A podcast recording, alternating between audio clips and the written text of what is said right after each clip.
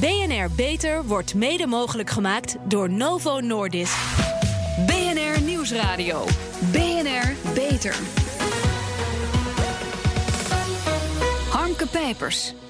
Ons systeem van kinderopvang rammelt en dat heeft een groot effect op onze maatschappij. Parttime werken, zoals veel vrouwen in Nederland doen, betekent minder carrièrekansen. Ja, en vaders werken in de meeste gevallen fulltime en proberen dan in het weekend die leuke vader te zijn die met zijn kinderen ravot. Een consequent kinderopvangstelsel met een behoorlijke overheidsvergoeding is niet alleen goed voor de ontwikkeling van onze nieuwe wereldburgers en hun vaders en moeders, maar het is ook goed voor de economie. Welkom bij BNR Beter, het programma voor mensen die werken aan gezondheid. Mijn gasten vandaag: Tessa Rozenboom, hoogleraar ik ben nu al aangedaan. Tessa Rozenboom, hoogleraar vroege ontwikkeling en gezondheid in het AMC in Amsterdam. En Ruben Fucking, bijzonder hoogleraar kinderopvang aan de Universiteit van Amsterdam. Ja, de eerste duizend dagen in het leven van een kind, vanaf de bevruchting tot twee jaar, die zijn cruciaal. Maar de zorg in de eerste twee jaar komt vooral, hoewel mannen een steeds grotere rol krijgen, toch vooral op vrouwen neer. En daarnaast zijn er een heleboel andere oplossingen, zoals gastouderschap, dagverblijven, nannies en opa's en oma's. En als het allemaal niet lukt, dan gaat een van de ouders of beide ouders parttime werken. Meneer Fucking, u heeft studie gemaakt van kinderopvang, niet alleen in Nederland, maar ook in andere landen. Wat vindt u van uh, hoe wij het in Nederland doen? Doen het op zich wel goed, maar wat jammer dat we het om de zoveel jaar weer veranderen. Dus we zouden eens een keer van het kinderopvangstelsel moeten afblijven, dat het stabiel is. En dat ouders weten uh, wat ze krijgen, vandaag en morgen. En op dit moment is het zo dat de kinderopvang uh, wel weer in de lift zit. Het groeit. En de kwaliteit is ook redelijk goed. Dat weten we nu ook uit de recente peilingen. En dat is een beetje de stand van zaken nu. Ja, het varieert. Nou, de opvang uh, die wordt voor een deel door de overheid uh, vergoed, maar ook die vergoeding varieert nogal. Hè. Welke invloed heeft die financiële kant op de keuze die ouders maken? Die keuze is enorm. En aan de keukentafel worden keuzes gemaakt door vaders en door moeders. Ja, de keuze of de invloed van, het, van de centen? Nou, en daar wordt gesproken over centen. En vervolgens ja. wordt daar een keuze gemaakt om bijvoorbeeld een paar jaar geleden, de bezuinigingen die waren fors op die kinderopvangtoelagen. Ja. En ouders besloten uh, om het roer om te gooien. Niemand heeft eigenlijk de Nederlandse kinderopvang verlaten. Mm -hmm. Maar iedereen ging er minder gebruik van maken. En wie heeft ons gered? Ja, dat zijn denk ik de Nederlandse opa's en oma's geweest. Uh, ja. En nu zie je dat weer terugkeren. Je ziet nu de Nederlandse ouder en de Nederlandse economie, de Nederlandse samenleving, heeft goede kinderopvang nodig, die beschikbaar en betaalbaar moet zijn. Dat is nu beter. En je ziet nu ook alle ouders mooi weer terugkomen. Of nou ja, nieuwe ouders melden zich weer aan. Ja, een vrouw kan twaalf weken zwangerschapsverlof krijgen. Tot vier weken voor de bevalling stoppen, maar ook zes. Dus het komt regelmatig voor dat baby's van zes weken naar de kinderopvang gaan. Uh, maar Nederland wijkt hier erg uh, in af hè, van andere landen. Ja, hier staan we internationaal toch niet heel erg goed op de kaart. Mm -hmm. Nederland bungelt onderaan. Ja. En we zitten in landen, ja, een beetje naast Saudi-Arabië. Als het gaat om ouderschapsverlof. Dus dit gaat niet goed. En ik denk dat we de Nederlandse ouders, misschien ook wel de Nederlandse kinderen, wat gelukkiger kunnen maken. Als we daar wat meer ruimte voor geven. En ik, zes weken is echt heel vroeg. Overigens, dat komt niet heel veel voor hoor. De meeste mm -hmm. baby's die, uh, die ik zie, ik kom er regelmatig op Nederlandse kinderopvanggroepen, zijn twaalf weken, soms alweer wat ouder. En soms ook tussen de 12 en de 26 weken. Ja. Dus zes weken zou ik wel heel vroeg vinden. Ja, maar ja, een jaar niet werken, dat kan niet iedereen zich veroorloven. Hè? Nee, dus dat hoeft ook niet. Maar je ziet ook landen waarvan ze zeggen, uh, waar men zegt: je hebt een jaar lang verlof. Papa en mama mogen dat zelf verdelen. Zoek ja. het zelf maar uit. Wie het niet opneemt, is het kwijt. Vind ik ook een aardige regeling. Ja. En dan kun je als ouder heb je wat meer ruimte om keuzes te maken. En dan, ik denk ook, het gaat niet alleen om of de kinderopvang te vroeg begint voor het kind. Mm -hmm. Ik denk ook wel eens, het begint wel eens te vroeg voor ouders. Het begint wel eens te vroeg voor moeders. Ik denk dat niet alle ouders in Nederland uh, er al aan toe zijn om een kind bij zes weken vind ik heel vroeg, maar ook bij twaalf weken, dat is toch nog wel redelijk vroeg. Ja, maar ik stel nu een hele ouderwetse vraag, althans voor mijn gevoel. Uh, is het wel gezond voor de band die je met je kind opbouwt en voor je relatie als beide ouders fulltime werken? Het kan. We weten dat uh, kinderen uh, zich veilig kunnen hechten aan hun vader en hun moeder, ook als papa en mama werken. Het mm -hmm. kan. we weten ook dat kinderen zich kunnen hechten aan een opa en aan een oma. Ja. aan een tante. En ook aan een, en dat is misschien eigenlijk het belangrijkste, ook aan een pedagogisch medewerker op het kinderdagverblijf. Zolang er maar sprake is van een stabiele relatie. Ja. Dus wat ouders niet moeten doen is dat je elke dag in de week een andere oplossing hebt. Maandag papa, dinsdag oma, woensdag nou, enzovoort. Hè. Elke dag een andere oplossing. Dat zou ik willen afraden. Maar als je voor wat stabiliteit in die week zorgt, met een vaste kinderopvangarrangement heet dat dan. Ja. Dan zie je dat jonge kinderen zich veilig kunnen hechten aan, nou bijvoorbeeld aan beide ouders en aan een pedagogisch medewerker. Ja, en dat kan. In Zweden is het kinderopvangsysteem eh, gericht op het welzijn van het kind, hè, maar ook op gelijkwaardigheid, waarbij alle ouders het recht hebben om te werken. Kunnen we in dat opzicht eh, wat leren van de Zweden? Nou, ik denk dat we van uh, Zweden en ook andere Scandinavische landen. En ook kinderopvang in Duitsland en ook in België om ons heen kunnen, daar kunnen we heel veel van leren. En je ziet dat daar kinderopvang niet alleen een arbeidsparticipatieinstrument is. Het is ook natuurlijk bedoeld voor de ontwikkeling van jonge kinderen. En goede kinderopvang draagt bij aan goede ontwikkeling van jonge kinderen. Ja. En in Zweden heeft men dat door. En dan zegt men ook, dan gaan we dat ook uh, zo uh, regelen. Dan zetten we het ook vast. En dan willen we eigenlijk dat alle Zweedse kinderen vanaf één jaar er ook zijn. Ja. En dat zie je ook gebeuren. Ik was nog recent in Denemarken. En uh, ik bezocht Kopenhagen. 97% van de, van de kinderen van, van, van uh, drie jaar gaat naar een kinderdagverblijf. Ja. Mevrouw Rozenboom, u doet onderzoek naar vroege ontwikkeling en gezondheid van kinderen. U schreef er een boek over, De Eerste Duizend Dagen. Dat boek heeft u aangeboden aan Hugo de Jonge. Niet alleen minister van VWS, maar ook een actieve vader, zoals wij weten. Wat, wat hoopt u dat het effect zal zijn van uw boek, bij hem en anderen? Nou, wat ik wilde bereiken met het boek is uitleggen hoe ontzettend belangrijk de eerste duizend dagen van het leven zijn. Vanaf de bevruchting tot je tweede verjaardag. Ja. En wat ik heel graag wilde is uh, het bewijs wat er uit verschillende vakgebieden naar voren is gekomen, samenvatten in een boek en uiteindelijk vertalen in de praktijk. En toen minister De Jonge het eerste exemplaar in ontvangst nam, vertelde hij dat hij deze zomer nog met een landelijk nationaal programma komt om kinderen in Nederland een goede start te geven. Ja, en dat is hoopgevend, op zijn minst. Absoluut hoopgevend. Ja, daar ben ik heel erg blij mee. Ja, ja, want u hecht er groot belang aan dat alle kinderen gelijke kansen hebben en dat je je, je moet kinderen die kinderopvang gunnen. Zeker, maar je moet elk kind een goede start gunnen. En we weten uh, inmiddels uit heel veel onderzoek dat een goede start ontzettend belangrijk is voor uh, goede ontwikkeling, voor goede gezondheid en voor je kansen in de maatschappij. En dat heel veel ongelijkheid die er is, dat die eigenlijk al ontstaat in de allereerste prilste begin van het leven. Ja. Uh, en dus dat als je kinderen een goede start geeft, dat je heel veel van de ongelijkheid die er is in de maatschappij kan verminderen. Ja, uh, meneer Fucking, de, de Sociaal-Economische Raad heeft al in 2016 een advies uitgebracht om meer te investeren in kinderopvang. En niet alleen om de ouders te ontlasten, maar ook omdat het goed voor kinderen is en de kinderen er recht op hebben. Dus dat is een beetje het geluid wat hier ook verkondigd wordt. Um, ik, u was betrokken bij dat advies, hè? want ik wou zeggen van stemt u dat optimistisch, maar u zat er zelf bij. Ik had een hele kleine rol als adviseur. Oké. Okay. Uh, en ik vond het ook heel belangrijk om daar naartoe te gaan als, uh, als uh, bijzonder hoogleraar kinderopvang. Ja. En wat we daar zagen was dat alle werkgevers, alle werknemersorganisaties van Nederland waren het daar gloeiend eens over het belang van de kinderopvang voor jonge kinderen en, en, en voor, ook voor de, voor de maatschappij. Uh, men was er gauw uh, over uit. Ja, en zeg, maar wat, wat, gaat het vervolg zijn? Want we zijn nu inmiddels wat verder. Gaat dit structureel worden doorgezet? Komt er een eind aan het yo-yo-beleid... waardoor ouders zich voortdurend afvragen waar ze aan toe zijn? Dat vind ik een hele spannende vraag. Ik weet dat het CER-rapport het was verschenen... en het is een beetje onduidelijk wie heeft het nou gelezen en is het echt opgepakt? Er kwam daarna een speciale taskforce. Kwam een tweede rapport. En die laat zich een beetje op dezelfde manier lezen. En mhm. vervolgens zie je dat er een, uh, een coalitieakkoord wordt gesmeed.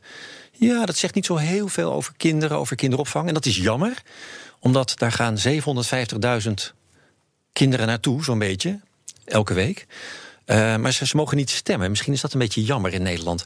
Maar dat betekent dat uh, dat jojo-beleid, uh, dat wil ik niet uitsluiten. Ik hoop dat we dat niet meer gaan doen. Want dat hollen en stilstaan in de Nederlandse kinderopvang. Dat hebben we nou meegemaakt. Eén keer hollen en één keer stilstaan. En beiden zijn niet goed. Nee, maar goed, cultuurverandering is niet alleen nodig bij de overheid, maar ook bij de ouders. De moedermafia, zoals het tegenwoordig heet op het schoolplein, ja, die appelleert aan, uh, aan elkaar schuldgevoel met veel succes. Daar is een televisieprogramma over geweest. Mevrouw Rozenboom, u kunt erover meepraten, heb ik begrepen, hè? ja, dat klopt zeker. Ja, als uh, moeder van twee kinderen uh, ken ik ook alle schuldgevoelens die daarbij, uh, die daarbij horen als je uh, moeder zijn uh, combineert met, met een baan. En ehm, nou ja, daar, daar zijn heel veel verhalen over te vertellen. Ik denk dat het belangrijk is, en dat heb ik ook gezegd toen ik mijn boek aanbood aan de minister, mm -hmm. dat we niet te veel met het opgeheven vingertje naar moeders moeten nee. praten. Maar dat we de helft van de kansen missen om kinderen een goede start te geven als we vaders niet betrekken bij het geven van een goede start aan elk kind. Ja, dat zou schelen, maar ook wat meer geld. Want dat is natuurlijk ook wat erachter zit. Waarom die scholen ook die ouders zo achter de broek zitten... en ze voor, voortdurend voor alles moeten worden ingezet. Omdat het eigenlijk niet anders kan, hè? Ja, zeker. Toch is mijn ervaring dat over het algemeen... als er hulptroepen uh, komen op school... dan zijn dat toch heel erg vaak, uh, uh, vaak moeders en minder vaak vaders. Ja, dat is een hardnekkig probleem, hè? Ja. Daar praten we zo dadelijk over verder. Een goed begin is het halve werk. Dat geldt voor een beter kinderopvangstelsel. Maar daar heb je goed geschoold personeel voor nodig. De uitdaging van dit moment. Dat zomaar eerst de reclame. BNR Nieuwsradio. BNR Beter. Een betere kinderopvang is goed voor de maatschappij. Kinderen worden slimmer, gezonder en moeders kunnen zich beter ontplooien. Maar hoe wordt de kwaliteit geborgd en hoe voorkom je problemen in de kinderopvang? Daarover onder andere praat ik verder met Tessa Rozenboom, hoogleraar vroege ontwikkeling en gezondheid in het AMC in Amsterdam. En Ruben Fucking, bijzonder hoogleraar kinderopvang aan de Universiteit van Amsterdam. Het personeelstekort in de kinderopvang zal de komende jaren toenemen. En dat kan betekenen dat ouders meer moeten gaan betalen en hun kind hierdoor thuis zullen houden. Meneer Fucking, dat is een steeds terugkerend probleem. Helaas, helaas. Ja. Um, ja, dat is een heel taai en hardnekkig probleem. Waar ook wel heel hard aan wordt gewerkt. En op dit moment uh, gaan we weer toe naar een flink wat vacatures, bijvoorbeeld in de kinderopvang. Ja. En ook in het onderwijs. En er zullen allerlei andere sectoren worden geraakt. Um, maar wie op dit moment overweegt uh, een baan te zoeken of een baan wil vinden, klop even aan bij de Nederlandse kinderopvang. Oké. Okay. Ja. ja, het aantal kinderen dat naar de kinderopvang gaat groeit weer. Tegelijkertijd neemt de overheid allerlei maatregelen om de kwaliteit van kinderopvang te versterken. Kinderopvang en onderwijs werken steeds meer samen. Politiek, werkgevers, vakbonden en ouders bespreken op landelijk niveau al die ontwikkelingen. En een aantal medewerkers vonden daarom hoog tijd dat ook de pedagogisch professional zelf zijn stem laat horen. Ik heb hier aan de lijn Marijke Schuurkens, voorzitter van Pink, met dubbel P, de beroepsvereniging voor pedagogische medewerkers. Mevrouw Schuurkens, ja. wat moet ik nou zeggen? Pink? Of uh, waar staan nee, die letters voor? Het staat voor pedagogisch professional in de kinderopvang en wij zeggen gewoon Pink. Oh, Oké. Okay. Uw vereniging bestaat nog niet zo lang. Hè? Tot nu toe werden de nee. kinderopvangbedrijven vertegenwoordigd door een aparte branchevereniging. Maar jullie vertegenwoordigen ja. de werknemers. Uh, ja. uh, hoe is dat ont idee ontstaan? Uh, waar komt de behoefte uit voort? Ik wou zeggen dat wij. het is een dynamische branche en er gebeurt van alles. En er wordt inderdaad heel veel gesproken over de kinderopvang. En wij vonden het belangrijk om onze eigen stemmen daarin te laten horen. Ja, maar jullie zijn geen vakbond, hè? Nee, we zijn geen vakbond. Wij zijn een, uh, een beroepsvereniging. Wij uh, zijn echt gericht op uh, de inhoud van ons werk. En, en alles wat daarmee te maken heeft, dus de beroepseducatie, de beroepshouding en, en de beroepsethiek. En de vakbond doet ook mooie dingen, maar die houdt zich vooral af tenminste. Die, gaan bezig, die houden zich bezig met CO en dat soort dingen. Dat gaan wij niet doen. Wij zijn echt een, een, een vereniging voor ja, de, de medewerker. Ja, jullie zijn er voor pedagogisch medewerkers dus op de kinderdagverblijven. Peuterspeelzalen hebben een uh, sterk educatief karakter. Kunnen zij zich ook aanmelden bij deze vereniging? Uh, ja, het, het, het, uh, de grens om aan te melden is als je bevoegd bent om op de groep te staan. Dan mag je lid worden van onze beroepsvereniging. En in welke tak je werkt, of je in de BSO werkt, of in de peuteropvang, of een babygroep, dat maakt eigenlijk helemaal niks uit. Ja. Als je bevoegd bent om de groep te staan, dan ben je een pedagogisch professional en dan uh, mag je lid worden. Ja, er zijn zo'n 77.000 pedagogische medewerkers in Nederland. Jullie hebben nu ruim ja. 200 leden. Maakt dat het niet lastig om gehoord te worden? Ja, dat maakt het heel lastig om gehoord te worden. En, uh, we merken wel dat we uh, in persoonlijke contacten, uh, dan gaat het goed. Maar het is, de werkgevers zitten ertussen. Hè, dus we proberen ook werkgevers te benaderen, omdat die het dan doordragen naar hun personeel. Ja. En ja, je kunt die 77.000 mensen en mensen in opleiding ook nog een stuk of 10.000 of 12.000. Ja, die kan je niet allemaal persoonlijk gaan bereiken. Nee. Goed, ik wens u heel veel succes. Dank u wel, Marijke Schuurkens van Pink. Ja, meneer Fukkink, u heeft uh, al kennis gemaakt met Pink, heb ik begrepen, hè? Ja, heel kort. Ja, ja uh, waar waren ze de afgelopen tijd? Ik vroeg het me wel eens af. Het, ja. is, het is een echt vak. Het is een ambacht. En bij een ambacht hoort een gilde, hoort een beroepsvereniging. En de kinderopvang had er helemaal geen. Ja, maar kunnen zij het probleem van eh, personeelstekorten bijvoorbeeld bespreekbaar maken bij bijvoorbeeld de overheden? Ik denk dat ze dat wel uh, moeten doen. Uh, misschien moeten ze even nog wat, wat aan leden winnen. Maar het gaat even om dat je een geluid hoort vanuit de werkvloer, vanuit de pedagogische medewerkers zelf. Ik denk dat dat heel belangrijk is. Ik denk dat ze de overheid kunnen adviseren. Ik denk dat ze de leden uh, kunnen enthousiasmeren. En ik hoop dat ze heel veel gaan doen aan professionalisering. Hoe kunnen we. Want je bent heel jong, je bent 21 en dan ben je al afgestudeerd. Hè? Dat kan. Ja. En dan ben je startbekwaam, maar hoe word je vakbekwaam en hoe word je expert? Nou, ik wens Pink daar heel veel succes bij. En wat dat betreft is er nog een hoop te doen, begrijp ik. Ja.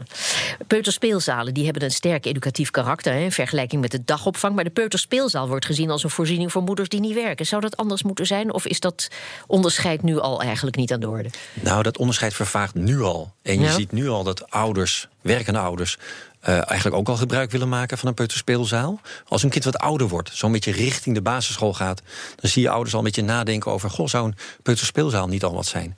Ons wetenschappelijk onderzoek laat zien dat het elkaar ook niet zo heel veel ontloopt. Qua emotionele ondersteuning niet, qua, qua groepsorganisatie niet. En ook zeg maar, de, de, de kwaliteit van de instructie, zeg maar, het, het stimuleren van de ontwikkeling van kinderen. Dat ontloopt elkaar niet heel veel. Ja, is een soort samenwerking met basisscholen, is dat een optie? Nou, dat zien we nou gebeuren. Er zijn hele mooie initiatieven eh, in Nederland, maar heel lokaal. En je moet goed zoeken om, om ze te vinden. En je ziet dan dat kinderopvang, mhm. en onderwijs. Soms zelfs met een heel klein beetje jeugdzorg. Dat men de handen ineens slaat. En dat er een, een integraal kindcentrum, zo heet het dan, een IKC ontstaat. En dat ja, dat heeft wel iets moderns en iets fris. En ik zie ook dat het werkt. Ik zie op die plekken waar ik ben geweest dat men daar heel enthousiast over is. Ja, ja. Dus zou dat een aanzet zijn tot zoiets als voorschoolse educatie? Voor kinderen jonger dan vier? Ja, maar dat zit dan gewoon in het pakket. En het mooie is van die ja. voorschoolse educatie, dat is dan dus voor alle kinderen in ja. Nederland. En dat, hoeven we niet te regelen in bijvoorbeeld verlaging van de leerplicht. Nee, en hoeft ook niet dat je naar, in, in een bepaalde wijk hoeft te wonen. Het is ook niet zo dat je daarvoor dan niet mag werken als ouder, of, of juist weer wel. Dat is gewoon goed voor alle kinderen. Um, en je ziet dus dat die integrale kindcentra pakken het ook integraal op. Nou, dat is eigenlijk heel slim. Ja. Mevrouw uh, Rozenboom, in uw toespraak bij de overhandiging uh, van uw boek. Uh, aan de minister van dat boek. We hadden, er al even, hadden het er al even over. Had u een opmerkelijke vergelijking u heeft het over de bij. Ja, dat klopt. Ja, ga eens even los op de bij. ik ben zelf bioloog, dus ik hou ervan om voorbeelden uit de biologie te laten zien. Mhm. uh, om te laten zien hoe ontzettend belangrijk een goed begin is. En vrouwelijke bijen, die heb je maar in één soort als ze als larven uh, ter wereld komen. Maar afhankelijk van of een larve koninginnengelei krijgt of niet, um, um, wordt de groei heel erg anders en wordt een vrouwtjesbij een werkster of een koningin. En we weten dat uh, werksters en koninginnen heel verschillend zijn in hoe ze eruit zien. Uh, ook al hebben ze dezelfde genen, hebben ze uh, werksters die hebben geen eierstokken, zijn niet vruchtbaar, blijven klein en leven gemiddeld zes weken.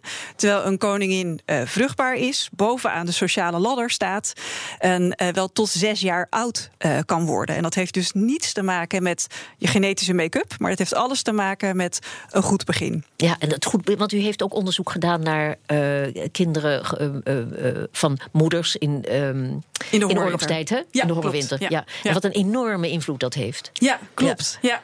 Nou ja, dat is een van de eerste studies die toen ik daar twintig jaar geleden mee begon, waarvan men dacht, nou, wat een ontzettend onwaarschijnlijk verhaal dat iets wat zo lang geleden is gebeurd zo'n invloed heeft.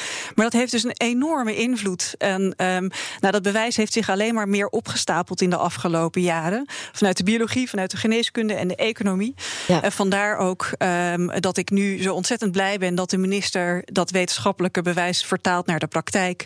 En kinderen helpt een goede start te krijgen. Omdat dat uiteindelijk voor hun gezondheid, voor hun ontwikkeling en ook voor de maatschappij en de economie de meeste winst gaat opleveren. Ja, want allerlei dingen die we, uh, waarvan we ooit wisten dat ze schadelijk waren, maar die, die, dat, dat betekent een, een litteken voor een kind. Hè? Ja, klopt. Uh, ja. Honger, uh, ja. stress, ja. allerlei zaken waarvan we denken, nou ja, dan moet je daar maar mee zien te leven. Ja, nou ja, in de eerste duizend dagen wordt alles eigenlijk aangelegd. Hè? Als je bedenkt dat je brein wordt aangelegd, je hart, je lever, je nieren, ja, die kun je maar één keer maken.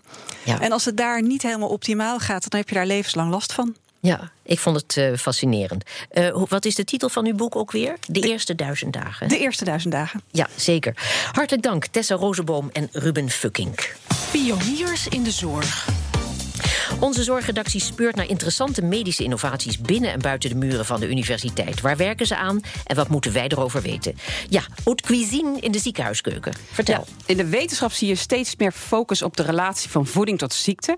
Maar sommige mensen die willen die resultaten niet afwachten. En die werken aan een verbetering van de voeding die patiënten in ziekenhuizen krijgen. Dus niet alleen verser en gezonder, maar ook veel meer creativiteit in de ziekenhuiskeuken. Ja, net als de uilenomeletjes en de groenteamuses. Als Engelse drop in het Prinses Maxima Ja, dat wat, uh, werd verzorgd door een extern cateringbedrijf, Hutten. Mhm. En dat bedrijf heeft zich gespecialiseerd in ziekenhuisvoeding. In dit geval om de kinderen gezonder en beter te laten eten. Maar een ander initiatief komt van een sportieve ex-patiënt, Anita Buitraco. Uh, toen zij patiënt was, toen uh, zorgde haar familie namelijk om gezonde smoothies en extra groentes mee te nemen. Want het viel haar op dat het ziekenhuismenu vol met suiker zat, weinig verse groenten en fruit. Dus dat is, ja, dat is niet, niet gezond natuurlijk in de ziekenhuisomgeving. Nee, jaren, jaren al een bron van ergernis en van opperste verbazing dat ziekenhuizen dat zo slecht voor elkaar hebben. Ja, ja, en op dit moment zet zij uh, zich in met een sportieve actie voor de Daniel Den Hoed in Rotterdam. Zij organiseren onder andere pittige estafettes, team battles. En het geld van die actie gaat rechtstreeks naar het budget van de keuken van de afdeling Oncologie en Hematologie. We luisteren even naar de initiatiefneemster uh, Anita Buitraco. Het mooiste zou zijn als de keuze in ziekenhuizen veel breder zou zijn en veel verser. Maar het is natuurlijk ook een geldkwestie. Dat merken we ook wel uh, gewoon als burger in de supermarkt. Of we nou uh, iets ongezonds kopen of een, een, exotisch gezond stuk fruit. Er zit een groot verschil in prijs. Het idee van het evenement is eigenlijk begonnen als eenmalig. Um, als daarna een verloop zou komen van dat er meer geld binnenkomt, kunnen we het langer volhouden. Ja, als mensen nieuwsgierig zijn, de actie heet Stay Strong en is dus in principe tijdelijk, maar wellicht krijgt het wel navolging. Ja, nou ja, het zou de ziekenhuizen ook op minder kosten jagen als eh, de BTW op groente en fruit niet zo hoog was. Goed, dankjewel, Kelly Nijhoff. En dit was BNR Beter. Terugluisteren kan via de site, de app, iTunes of Spotify. Ik ben Harmke Pijpers. Graag tot een volgend spreekuur. BNR Beter wordt mede mogelijk gemaakt door Novo Nordisk.